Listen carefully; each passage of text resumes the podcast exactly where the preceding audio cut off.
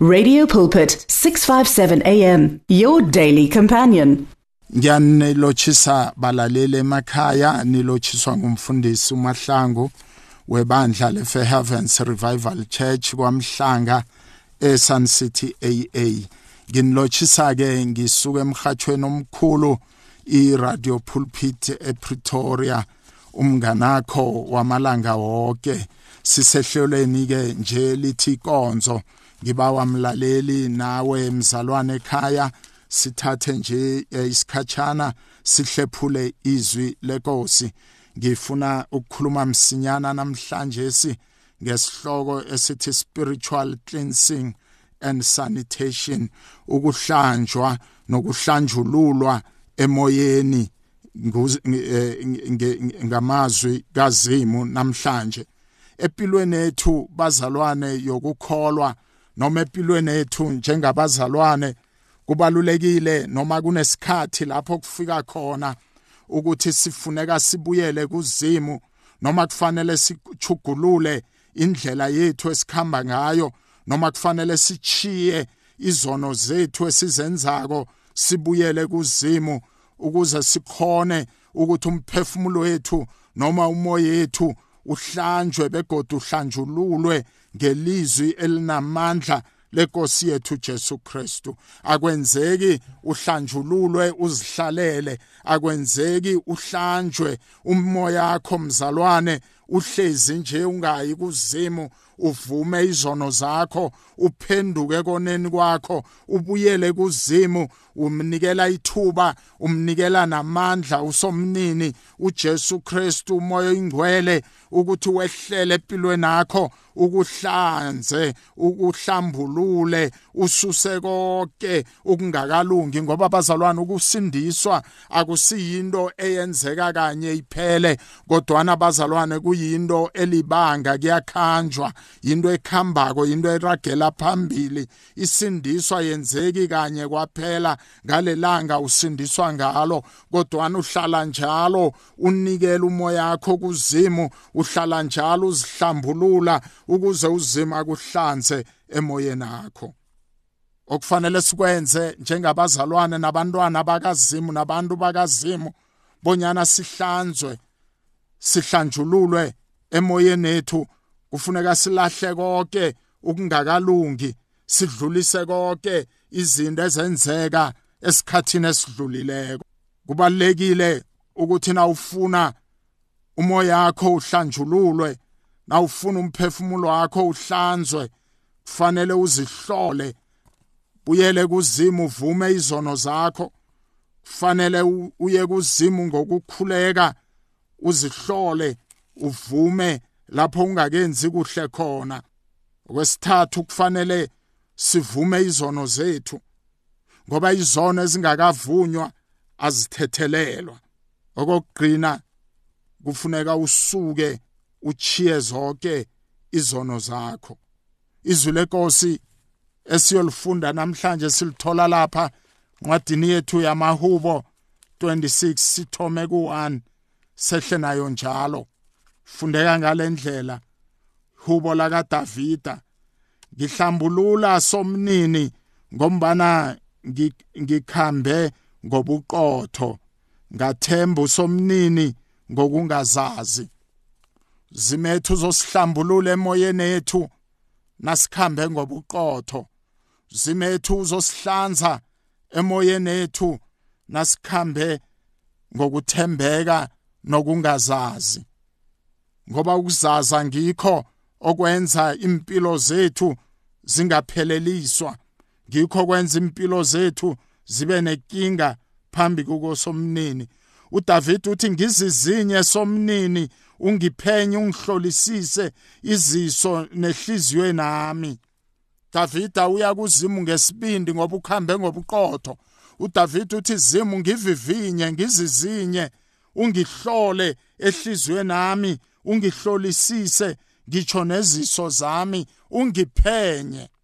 Impilo yokuhlambuluka impilo yokuhlanzwa emphefumulweni thoma lokho umzalwane nakangamzazi uzimo thoma lokho umzalwane nakakhamba ngobuqotho thoma lokho mlaleli nawuchizono zakho wenze konke okulungileko phambi kazimu David uthi ngebanga lokwethembeka kwakho ngikhamba eqinisweni lakho. Uzimu bazalwane uthembekile kithi. Nathi kufanele sithembeke kuye kufanele sikhambe ngeqiniso lakhe njengoba uDavida naye wenza. David uthi angihlali nengila mkhuba namkha ngizihlanganise nabazenzisi. Inga yethu abantwana bakazimu nabantu bakazimu nabalaleli emakhaya. Kingethu ukuthi noma sesisindisiwe noma sesiphendukile sababantwana bakazimu kodwana sihlala nengila mkhuba begodu sizihlanganisa nabazenzisi. Okungikho kwenza bonyana ukube nzima kusomnini ukusihlambulula kube nzima kuzima ukuhlanza imiphefumulo yethu. Kubalekile sibantwana bakazimu ukuthi njalo sizembule sizivule imfuba zethu phambi kwakazimu simvumele ukuthi asihlanze asihlambulule asilungisise. Kunezinto eziningi ezenza bonyana sihlage nepilo esiyiphilako noma siphila impilo engakathembeki impilo enganabo ubuqotho phambi kwakazimu eyenza kube budisi bonyana uzimu ahlambulule ahlanze imiphefumulo yethu. Sikha kakhulu ngokungaziphathi ngokufaneleko. Sibabantu abazicalelela thina kuphela asinandaba nabanye abantu. Sibabantu sithi noma sisindisiwe ukuleya mala into ekhona empilweni zethu. Sibabantu esihlulwa inyama nyama yethu ihlala njalo ifisa ukwenyama. Sihlala njalo sithanda ukukhuluma izindaba. Sihlala njalo sigqwele umona sigqwele ulaka. Sihlala njalo sigqwele ukungaqoleli nokubuyisana. Manje thina singafuna uzimu ngeqiniso simbawe bonyana uzima asihlanze simbawe ngokuthembeka silahle konke ukuhluleka kwethu silahle konke nezinto ezasiphoqa empilweni uzima ulungile uzosithethelela asihlanze emoyeni ethu asilungisise ngendlela ethandwa nguye. Ngamene elinamandla lenkosi yethu Jesu Kristu. Kunezinto eziningi noma kunezinto ezibalulekile kufanele sizenze njengabantwana bakazimu. Kufanele njalo sihlale bukhoneni bukazimu ngomkhuleko sivuma izono zethu. Kufanele sihlale njalo simbawa uzimu ukuthi akahlanze impilo yethu kamoya suse konke ukungqola emoyeni ethu asihlambulule. Fanele njalo siye kuzimu sivume izono zethu simbawe ukuthi akasuse konke ubufeyila nehlazo nesono empilweni yethu. Ngamene linamandla lenkosi ethu Jesu Kristu. Zimu ngoJesu Kristu inkosi uyafuna ukusihlanza uyafuna ukusihlambulula emphefumulweni ethu thina kufanele sikwenze ukuzithoba abazalwane siye njalo kuzimethu sivume izono zethu sibawe ukuhlanzwa egazini lenkosi yethu Jesu. Sihlanzwe izono zethu zisuswe sibe ngabangcwele ngabahlanzekileko. Phefumulo wethu ulungisisiwe gameni elinamandla lenkosi yethu Jesu Kristu. Siye kuye namhlanje Jesu wethu simbawe ukuthi asithethelele izono zethu hlanze wonke ukungakalungi. Siye kuye simbawe ukuthi asihlambulule suse izono zethu zizoletha ukuhlanzwa komphefumulo wethu sithole nathi ukubuyisana nozimethu.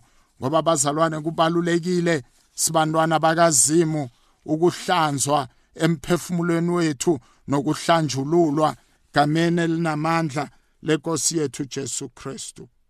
David uthi ngiyawuzonda umhlangano wabenzi bobumbi begodwa ngeze ngahlala nengikhohlakali inkinga yethu enye ukuthi thina abazalwane siyawuthanda umhlangano wabenzi bobumbi begodu siyahlala nengikhohlakali sibantwana bakazimu sibabantu bakazimu ngombana singathembeki ngombana singakalahli ngombana singakachiyi konke kodwana lapho sesichiyile sesilahlile izono zethu. Nathi siyokufana noDavida siyomtshela uzimethu ukuthi zimu siyakuzonda ukuhlangana nabenzi bobumbi begodwa ngeze sahlala nengikhohlakali kodwana ngokwenza kwethu ngokufihla kwethu izono zethu sihlala nengikhohlakali senza konke okumbuzi methu angakufuni. Lokho kuvimba ukuhlanzwa nokuhlanjululwa emoyeni ethu njengabantwana bakazimu. Kubalulekile bazalwane ukuthi sihlanzwe sihlanjululwe kuzimu ukuze impilo yethu yokukholwa ihlale njalo ilungile phambi kwakazimu. Namhlanje ngiyamemezela ngizekini ukunimemezelela noma ukumemezela abazalwane ukuthi buyani nize kuzimu ngokukholwa buyani nize kuKristu Jesu nizokuhlanzwa egazini elaqhitheke esiphambanweni nihlanzwe inhliziyo zenu kuhlanzwe izono zenu kuhlanzwe konke kungakalungi egameni elinamandla lenkosi yethu Jesu. Nathi sikhambe njengoDavida sithi zimu sihlambulule ngombana sikhamba ngobuqotho sithi zimu silungisise ngoba sihlanganyeli nabenzi bobumbi sithi zimu hlala nathi ngombana siyakuzonda ukuhlala nengikhohlakali futhi begodu zimu asihlanganisi litho nabazenzisako. Thina sibantwana bakho siyakholwa ngeqiniso sihlambulule sihlanze emoyeni ethu buyisana nathi siqale phezulu siqale kuJesu eyinkosi nomsindisi angumaluso olungileko uJesu Kristu ohlala njalo athethelela izono zethu kuze kube sekufeni. Ukulingwa ukukhulu kwethu okusihlaselako akuveli ngaphandle. Kodwana kuvela ngaphakathi. Ihliziyo zethu azikhona ukuzithiba. Inyama yethu ayikhoni ukwamukela amandla kamoya ingcwele abuse empilweni zethu. Inyama bese iyafa. Sihlala njalo sihalela izinto zabomakhelwane. Sihlala njalo siqala izinto ekungasizo zethu ngombana asikafi. Umuntu wethu akakafi. Ngakho uzima abhalelwa ukuthi ahlanze umoya wethu asihlambulule. Kukho konke ungakalungi ngombana ihliziyo yethu ayinabo ubuqotho. Ihliziyo yethu ayinako ukuthembeka ayinako ukulunga. Namhlanje simbawe uzimu siye kuye ngokuzithoba siphile ngokuya ngeqiniso lakasomnini begodu silandele ukwenza intando yakhe. Namhlanje iloyo naloyo akathome phasi impilo yakhe abawe uzimu ukuthi zimu ngihlanza zimu ngihlambulula emoyeni nami noma ngisindisiwe baba nginabo ubulephere nginako ukugula empilweni nami ngihlanze suse konke kungakalungi ngibe mntwana kazimo othembekileko. Ngibe mntwana kazimo ozithobileko. Ngibe mntwana kazimo ohlanziwe emoyeni. Ngibe mntwana kazimo ohlambulukileko.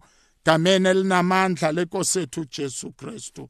Davida uthi ngokuphakamisa ilizwi lokuthokoza nangokumemezela zonke imangaliso zakho zimo. Ngihlamba izandla zami ngimsulwa iye ngizombeleza ialdari lakho somnini. Somnini ngiyayithanda indlu ohlala kiyo iye lapha kuhlala khona iphazimulo lakho balekile njengabantwana bakazimu ukuthi siyithande indlu kazimu ngoba indlu kazimu ahlala kiyo indlu elungileko. Mzimbethu ulithempeli likazimu. Mzimbethu uyindawo lapho umoya ingcwele ahlala phezukwayo ahlala nangaphakathi kwayo.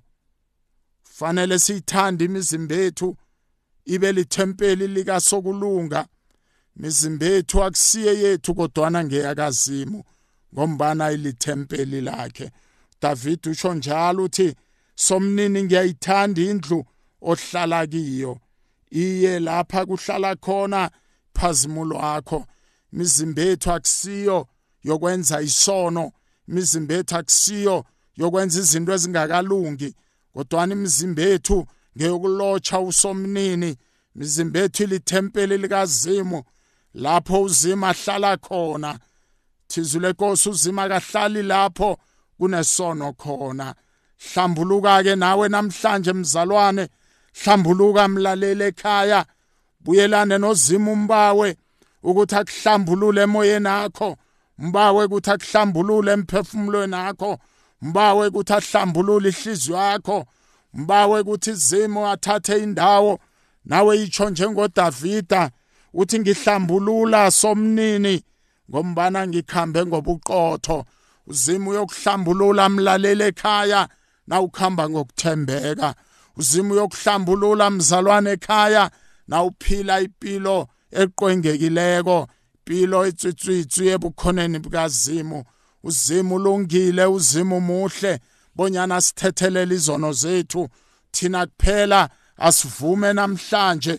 Yiloyo naloyo ngokuthembeka loyo naloyo eze kuzimu ezemthonjeni onguJesu Kristu lapho igazi lakhe ligobhoza khona elizohlanza inhliziyo ezingakathembeki elizohlanza imiphefumulo engakahlambuluki imphefumulo engakahlanjwa ngegazi likaJesu.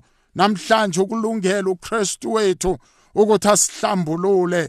Thina bazalwana sibuyeleni kuye thina bazalwana siyeni kuye siyofuna ukuhlanjululwa elithizwi lenkosi.